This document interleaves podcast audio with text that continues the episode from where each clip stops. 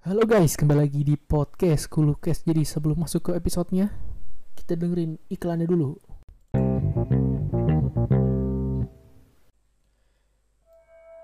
Oke, mungkin episode sekarang bakal horor lagi ya karena jujur ya, memang seru sih baca-baca kayak gini.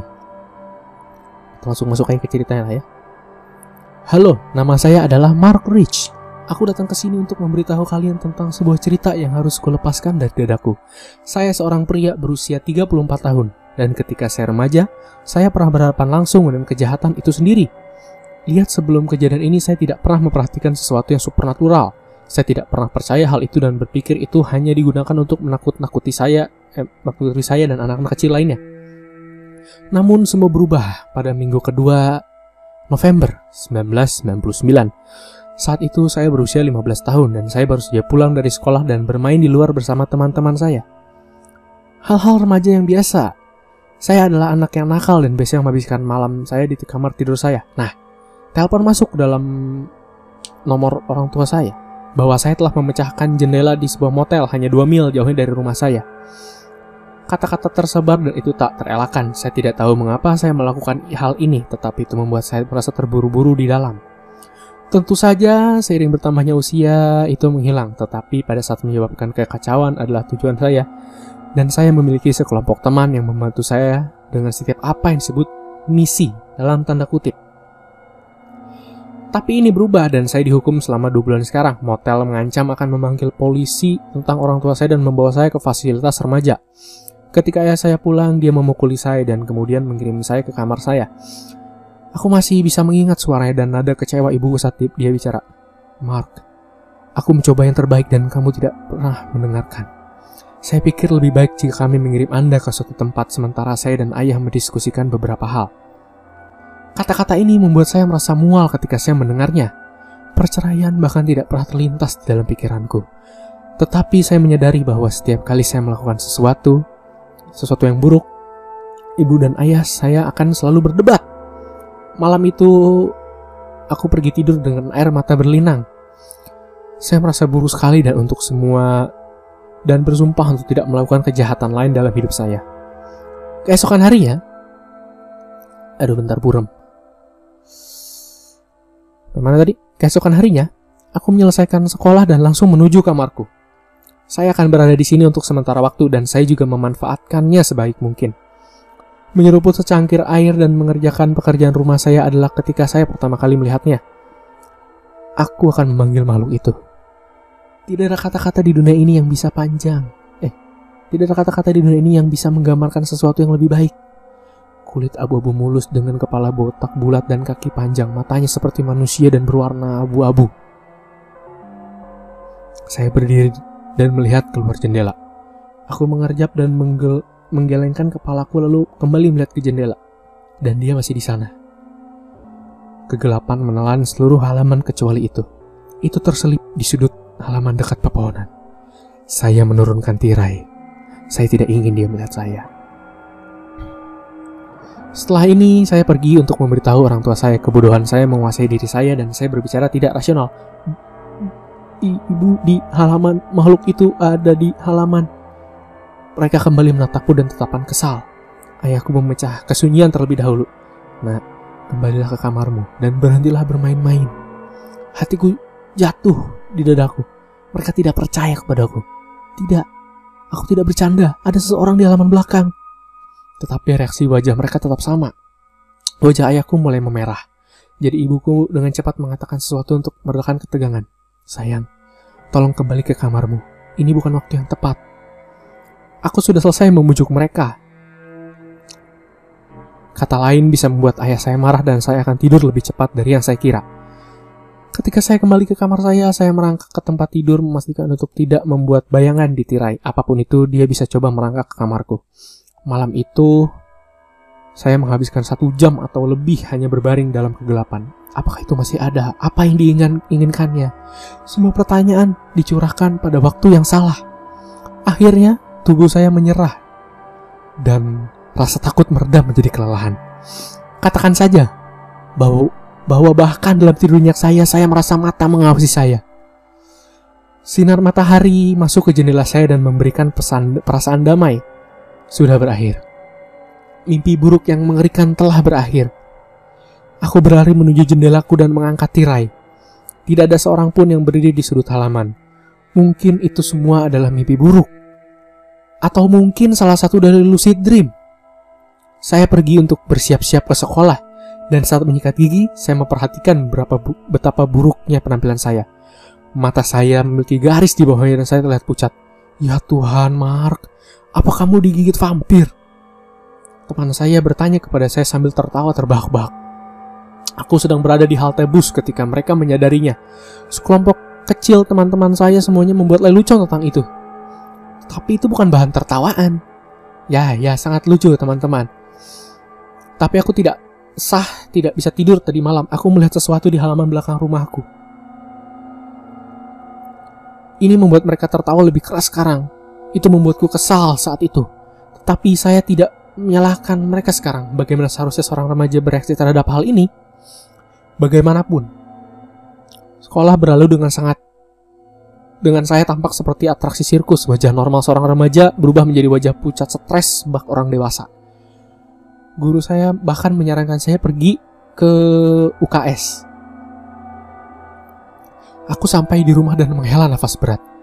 Aku melemparkan ranselku ke tanah dan berlari ke kamarku dengan tergesa-gesa. Hari yang hari telah melelahkan dan saya memutuskan untuk tidur siang. Sebuah suara membangunkan saya dan saya mendengar orang tua saya berdebat. Aku menampar diriku sendiri dari keadaan pikiranku yang linglung dan menempelkan telingaku pintu untuk mendengarkan mendengarkan. Suara berat ayahku berteriak dalam marah. Saya pulang kerja dan saya bahkan tidak bisa menyapa. Itu dibalas dengan suara melengking, penuh kebencian dan dendam. Itu adalah ibuku. John tidak pergi ke sana. Putra kami sudah cukup putus asa secara mental. Mereka pikir aku gila. Mata saya penuh dengan air mata dan saya terus mendengarkan sedikit lagi. Mark memiliki darah ibumu di dalam dirinya. Dia pantas diusir. Militer akan memperbaikinya. Jadikan dia seorang pria seperti yang dilakukan ayahku padaku. Ibuku berbicara selanjutnya setelah terdiam beberapa saat. Tidak bisakah kamu melihat John? Lihat dirimu. Apakah kamu benar-benar ingin Mark menjadi sepertimu? Dia membutuhkan sebuah cinta. Ibuku berusaha sangat keras untuk memegang beberapa harapan bahwa aku akan berubah. Aku menyeka mataku dan pergi duduk di tempat tidurku. Sepertinya aku akan nangis sampai tertidur malam ini. aku mengangkat tirai dan membuka jendela untuk mendapatkan udara segar di dalam ruangan. Tapi kemudian aku melihatnya. Benda itu ada di sana lagi. Posisi yang sama persis dan semuanya. Semua pikiran telah dibersihkan pada saat ini. Ketakutan menguasai semua emosi saya dan saya lumpuh dalam ketakutan. Punggungnya lagi. Ia menginginkan saya kembali ke kenyataan. Aku menutup jendela dan menutup tirai lalu pergi tidur. Itu tidak nyata. Itu tidak nyata, Mark. Itu tidak nyata. Tapi aku tahu itu harus sekarang. Apa yang diinginkannya dari saya? Apakah itu mencoba menakut-nakuti saya? Atau hanya mencari korban baru? Kegelapan menyelimuti saya lebih cepat daripada nanti. Ketika saya bangun, saya berada di hutan di belakang rumah saya. Angin dingin bertiup ke piyama. Meskipun dingin, aku tidak menggigil. Tubuhku mati rasa. Mark, kamu telah menjadi anak nakal. Suara itu rendah dan serak. Sumber suara itu tidak bisa dilacak. Kamu siapa? Apa yang kamu inginkan? Kata-kata itu tidak pernah lepas dari mulutku. Tetapi mereka didengar oleh apa pun yang di, apa pun yang dibicarakan. Aku sudah lama memperhatikanmu. Saya pikir sudah waktunya bagi Anda untuk ikut dengan saya. Kakiku mulai bergerak lebih dalam ke dalam hutan. Kegelapan menyelimutiku dan aku hampir tidak bisa melihat pepohonan.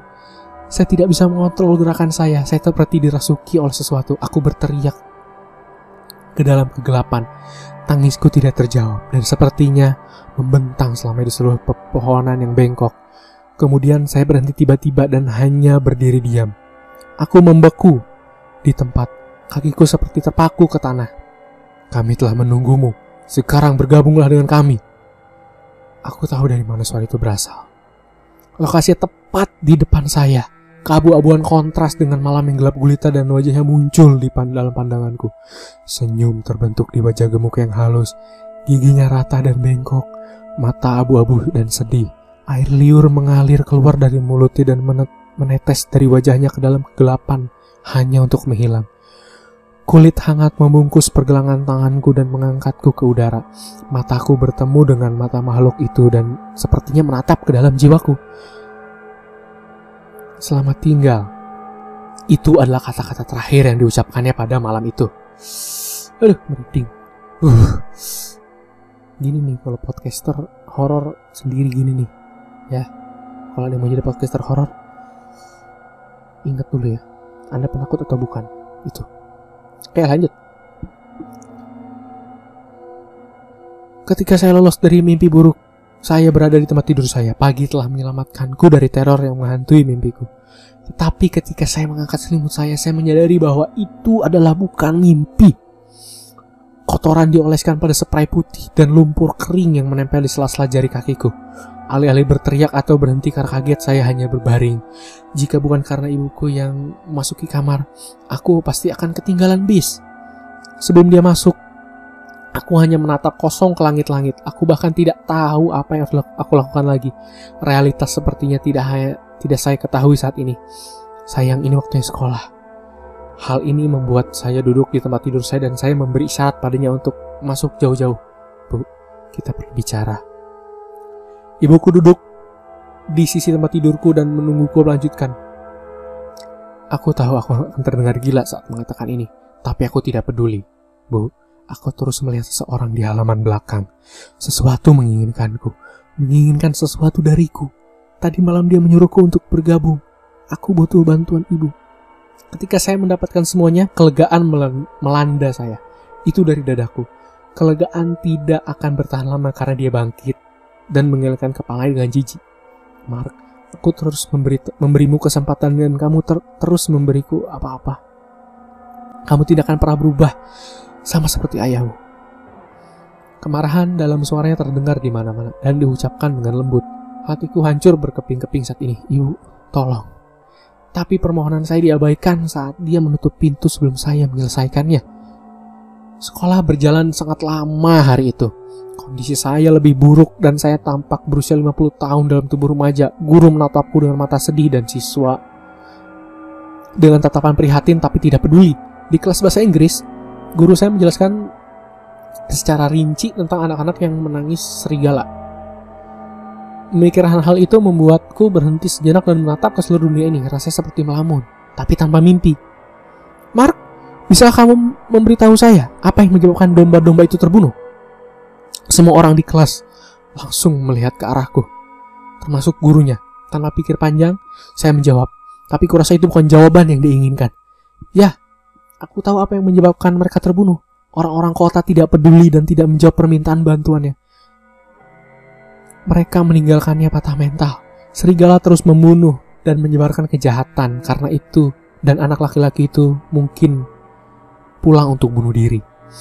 Tidak ada emosi yang muncul sedangkan pernyataan itu. Sebenarnya pada saat itu saya menganggapnya sebagai jawaban yang sederhana. Saya tidak dalam keadaan pikiran yang benar. Dan itu pun sangat jelas. Terengah-engah keluar dari mulut para siswa dan guru membubarkan kelas 10 menit lebih awal. Dia memintaku untuk tetap kembali. Apa yang saya harapkan adalah pertanyaan yang mengkhawatirkan tentang mengapa saya bertindak seperti ini. Apa yang saya harapkan eh, apa yang saya dapatkan adalah kuliah tentang bagaimana saya harus berhenti mencoba menjadi lucu. Mark, kepalamu ada di selokan ya. Jika itu selera umur Anda, maka Anda sakit. Tidak ada cukup energi bagi saya untuk marah atau protes. Siapa bilang aku bercanda?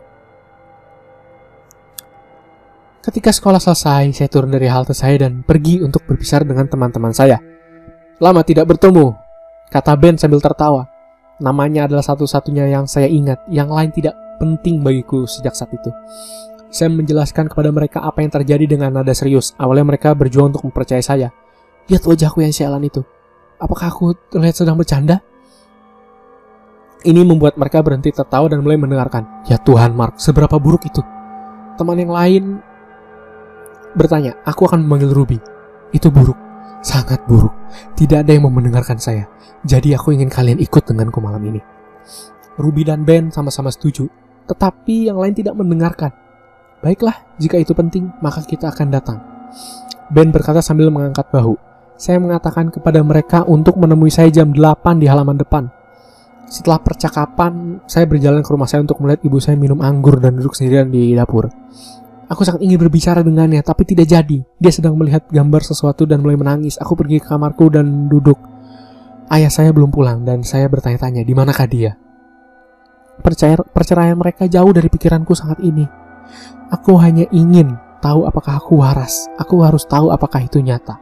Hal ini bermain dengan pikiran saya dan saya tahu betul apa yang dilakukannya keluargaku berantakan karenanya. Nilai saya telah diturunkan karena itu. Yang kupikirkan hanyalah monster sialan itu. Tapi malam ini, itu akan berubah.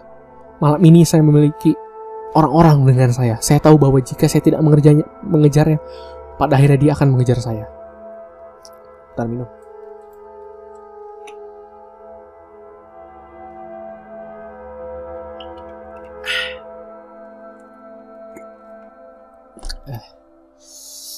Sebelum teman-temanku tiba, aku bisa mendengar ibuku masuk ke kamarnya dan tidak kembali. Air mata mengalir lagi dan tiga menetes di wajahku. Ibuku jijik padaku dan ayahku sudah lama putus, ata, putus asa. Apa yang akan terjadi jika saya membuktikan bahwa itu adalah sebuah kenyataan? Akankah benda itu membunuh kita atau teman-temanku? Bukankah itu akan muncul malam hari malam ini dan membuktikan bahwa saya salah? Apakah itu akan meninggalkan saya sendiri? Bahkan jika saya ditinggalkan sendirian, orang tua saya masih memiliki masalah yang tidak dapat diselesaikan. Sisa-sisa pernikahan mereka yang rusak tidak dapat diperbaiki lagi. Serangkaian ketukan di pintu menghentikan percakapan saya dengan diri saya sendiri. Aku bergegas ke pintu membawa ransel berisi berbagai barang. Senter, pisau dapur, kamera, dan dan salib. Uh, perih ya. Ngomongnya terlalu kencang kayaknya. Biarin lah. Mengapa salib Anda mungkin bertanya? Ya, tidak. Keluargaku ti saya tidak. Keluarga saya tidak terlalu religius, tapi saya mem masih memiliki sebuah harapan. Saya menyapa mereka di pintu dan kami berbicara singkat. Oke okay, guys, hati-hati saat berjalan. Hutan menjadi gelap, jadi ikuti senterku. Ben memutar matanya dan Ruby hanya menatapku. Aku mengeluarkan senter dan membuka gerbangku. Sebelum aku bisa mencapai halaman belakang, aku berhenti Detak jantungku bergema di tulang rusukku dan berdentang di tenggorokanku. Mari kita selesaikan. Ben berkata berjalan di depanku. Aku berjalan di belakangnya dan mengintip dari balik dinding ke halaman belakang. Tempat di mana makhluk itu berada sekarang kosong. Kegelapan telah memenuhi tempatnya. Di sana kami membuktikannya. Tidak ada apa-apa. Ayo kita pergi. Kata Rupi gemetar. Tidak, kita akan masuk. Ben dan Ruby tidak mengatakan apa-apa dan terus berjalan bersamaku. Aku berhenti di tengah halamanku dan mendengarkan suara hutan. Tidak ada satupun jangkrik atau ular yang terdengar, tidak ada patahnya cabang atau jatuhnya daun, hanya malam hitam yang mati. Baiklah, aku di sini. Katakan apa yang kamu inginkan. Aku tahu, aku terlihat gila karena tidak berbicara apa-apa. Tapi ada sesuatu di sana. Itu mendengar saya dan Pasti karena setelah saya mengatakan ini sebuah cahaya memenuhi tempat kosong yang biasa didiami malam, malam hari ini. Cahaya putih yang tidak menarik, ngangat atau kumbang. Tidak ada satupun bentuk kehidupan yang berdengung di sekitar cahaya. Saya merasa aneh karena saya harus terus-menerus mengusir ngangat dari pandangan lampu senter. Aku menoleh ke belakang, ke arah teman-temanku untuk melihat Ben dan Ruby dengan ekspresi mata terbelalak. Tak tandai jika ini lelucon, aku bersumpah. Ben mengatakan ini hampir tidak mengeluarkan kata-kata. Saya mengeluarkan pisau dan memegangnya di tangan saya. Yang lain, saya membuat langkah pertama dan berjalan menuju cahaya. Teman-temanku bergerak ragu-ragu di belakangku sebelum aku bisa mencapai cahaya itu pun menghilang. Hutan itu diterangi dengan buruk oleh senter. Aku melangkah ke ke jalan setapak dan mulai berjalan. Mark, kami pergi cukup dalam. Saya pikir sudah waktunya untuk kembali. Ruby berkata sambil meraih lenganku dan menariknya pelan. Aku melepasnya dan terus berjalan. Tidak, jika kamu ingin berjalan kembali sendiri, silakan. Ruby dan Ben saling berpandangan lalu terus berjalan bersamaku. Cahaya lain muncul entah dari mana. Aku terdiam. Sekarang aku pun mulai merasa paranoid. Perasaan itu tidak pernah memukul saya sampai sekarang dan saya bisa bersumpah mata mengikuti setiap gerakan saya. Kami mulai bergerak lagi. Perlahan menuju cahaya. Saya bersumpah setiap langkah yang saya ambil menambahkan lebih banyak paranoia kepada saya. Satu langkah, dua langkah, tiga langkah, sekali lagi. Tepat sebelum saya mencapai cahaya, cahaya itu pun menghilang. Sebentar ya. Cahaya itu menghilang meninggalkan lebih banyak kegelapan untuk mengelilingi kami. Senter kami mulai berkedip lemah. Aku tahu jika habis kita akan terjebak di hutan dengan benda ini. Teman-teman, kita harus cepat, tingkatkan kecepatannya. Aku meloleh ke belakang untuk melihat Ben dan hanya Ben. Ke mana Ruby pergi? Tanyaku merasa sakit perut. Ben melihat sekeliling dengan bingung dan dia juga mulai panik. Ya Tuhan, dia pergi. Aku menutup mulutnya dan berbisik padanya untuk diam. Kita harus tutup, kita harus terus jalan. Ben, aku tahu ini sulit, tetapi kita harus melakukannya. Dia hanya mengganggu kecil dan menghela nafas. Aku mulai berjalan ke depan lagi kali ini dan mengkhawatirkan Ruby. Jika ber, dia berjalan ke, kembali sendirian pada daripada itu, berarti dia sendirian dengan apa pun yang berkeliaran di sini pada malam hari.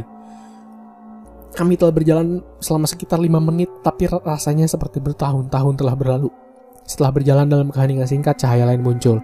Kali ini perlahan bergerak maju. Kami berdua membeku tak berdaya menunggu untuk melihat apa yang yang akan terungkap oleh cahaya. Tidak ada kata yang tertukar di antara kami. Jantungku berdebar cepat, tidak kehilangan satu ritme pun. Tanah hutan disinari oleh cahaya yang menunjukkan tidak ada binatang, hanya kotoran dan ranting. Sebuah kaki terlihat oleh cahaya besar dan berwarna abu-abu, tanpa kotoran atau bekas di atasnya. Mulut Ben menganga dengan ngeri dan aku menatapnya. Cahaya menunjukkan perut yang ditutupi sedikit bulu-bulu halus. Dadanya naik turun dengan nafas yang berat. Tapi cahaya berhenti di sini tanpa menunjukkan wajah. Saya melihat Anda membawa teman-teman. Suara yang diucapkan tebal menggerutu. Saya tidak bisa berbicara sama sekali. Ketakutan itu membuatku tak bergerak. Aku tidak tahu apakah kamu berani atau bodoh. Tidak masalah, keduanya memiliki rasa yang sama. Suara itu sangat halus dan diucapkan untuk sesuatu yang sangat tidak manusiawi. Itu rendah dan serak tapi memiliki aksen yang membuatnya tampak ramah. Kamu siapa? Saya mengajukan pertanyaan untuk itu. Itu dia tertawa dan berjalan ke depan. Cahaya akhirnya mengungkapkan wajahnya dan itu di luar yang bisa dibayangkan. Mata itu menatap kami untuk waktu yang lama. Jiwa tampaknya berputar di pupil senyum panjang, senyum yang sama yang kulihat dalam mimpi burukku terbentang di wajahnya yang bulat. Aku adalah kamu, anda menciptakan saya. Saya berharap itu mengatakan lebih banyak, lebih banyak tetapi cahaya berkedip meninggalkan saya dan Ben dalam kegelapan. Aku berbalik untuk lari, tetapi melihat Ben sudah di depan, langkah kaki itu menghantam tanah dengan keras di belakangku dan aku sedikit menangis. Benda itu meraih bahuku dan mengangkatku. Aku tidak melihat apa-apa selain mata abu-abu. Mata yang tak berkedip menatapku. Aku membabi buta menusuk ke dalam kegelapan merasa itu menusuk sesuatu, melepaskan diri dari cengkeraman. Saya mulai berlari kembali ke jalan setapak. Tapi aku berani bersumpah aku mendengar tawa di belakangku sebelum aku berlari. Kemudian keheningan menyapaku saat aku mematahkan dahan-dahan pohon dan tersandung batang kayu yang mencoba mencari jalan keluar dalam kegelapan. Sebuah teriakan terdengar di belakangku. Jeritan seorang remaja melewati masa pubertas. Suara itu pecah dan mulai memudar segera setelah itu datang. Ini tidak menghentikan saya. Saya terus berlari sampai saya mencapai halaman belakang saya. Tawa datang pada interval acak. Tawa meletus dari kegelapan barisan pepohonan. Aku mengayunkan pintu belakang terbuka dan berlari ke dalam, membantingnya menutup. Rumah saya gelap dan hangat di dalamnya. Saya mengambil waktu ini untuk berhenti sejenak dan mencoba memahami apa yang baru saja terjadi. Saya bertanya-tanya mengapa saya tidak mati hari ini. Benda di hutan itu bisa saja mudah dengan mudah membunuhku. Penuh keterkejutan, aku menaiki tangga dan berhenti di depan pintu ibuku. Tidak ada yang lebih dari pelukan yang kuinginkan saat itu. Saya hanya ingin dihibur dan diberitahu bahwa semuanya akan baik-baik saja. Beberapa hari terakhir ini ibuku terlihat sangat stres dan sedih. Aku mengetuk pintu dengan pelan. Ketika saya tidak menerima jawaban, saya membuka pintu dan menyelinap ke dalam. Bu, aku tahu aku jahat. Tapi Aku hanya ingin memberitahumu bahwa aku sudah selesai dengan itu. Kirim saya ke militer dan saya tidak peduli lagi. Saya hanya ingin memperbaiki ini. Aku hanya ingin dicinta. Saya berbicara ini pelan-pelan hampir menangis. Tidak ada air mata yang datang. Aku sudah cukup menangis dan aku tahu ini adalah akhirnya. Air mata telah ditumpahkan. Dan sekarang mereka bisa diselamatkan untuk masa depan. Aku tidur tepat di sebelah ibuku di tempat tidur malam itu. Tanganku mengunci tubuhnya dengan erat. Tapi saat aku bangun, dia sudah meninggal. Dia sudah meninggal sebelum aku terbangun. Dia sudah meninggal ketika saya mengatakan kepadanya bahwa saya telah berubah. Botol pil tergeletak tergeletak di tanah tem tepat di sebelahnya di samping tumpukan muntahan. Saya tidak menangis saat melihatnya, tapi saya malah mulai tertawa. Tertawa sepertinya hanya itu yang bisa kulakukan. Saya tertawa hanya saya karena saya tahu saya telah dikalahkan makhluk itu telah menghancurkan hidupku dan membunuh teman-temanku, meninggalkanku untuk hidup bersamanya. Pada akhirnya saya lebih lebih baik mati dan dia tahu itu. Saya sel, setelah saya selesai menatap tubuhnya, saya menelpon polisi dan memberitahu mereka tentang kematiannya. Dia dimakamkan dua hari kemudian dan ayah saya tidak muncul di pemakaman. Lebih baik tanpa dia. Kematian tidak memukul saya sampai nanti dan itulah benar-benar menyakitkan. Setidaknya ada empat hari dalam seminggu ini di mana saya akan begadang memikirkannya. Sebenarnya saya masih memikirkannya sampai hari ini. Saya diadopsi oleh beberapa pasangan Asia.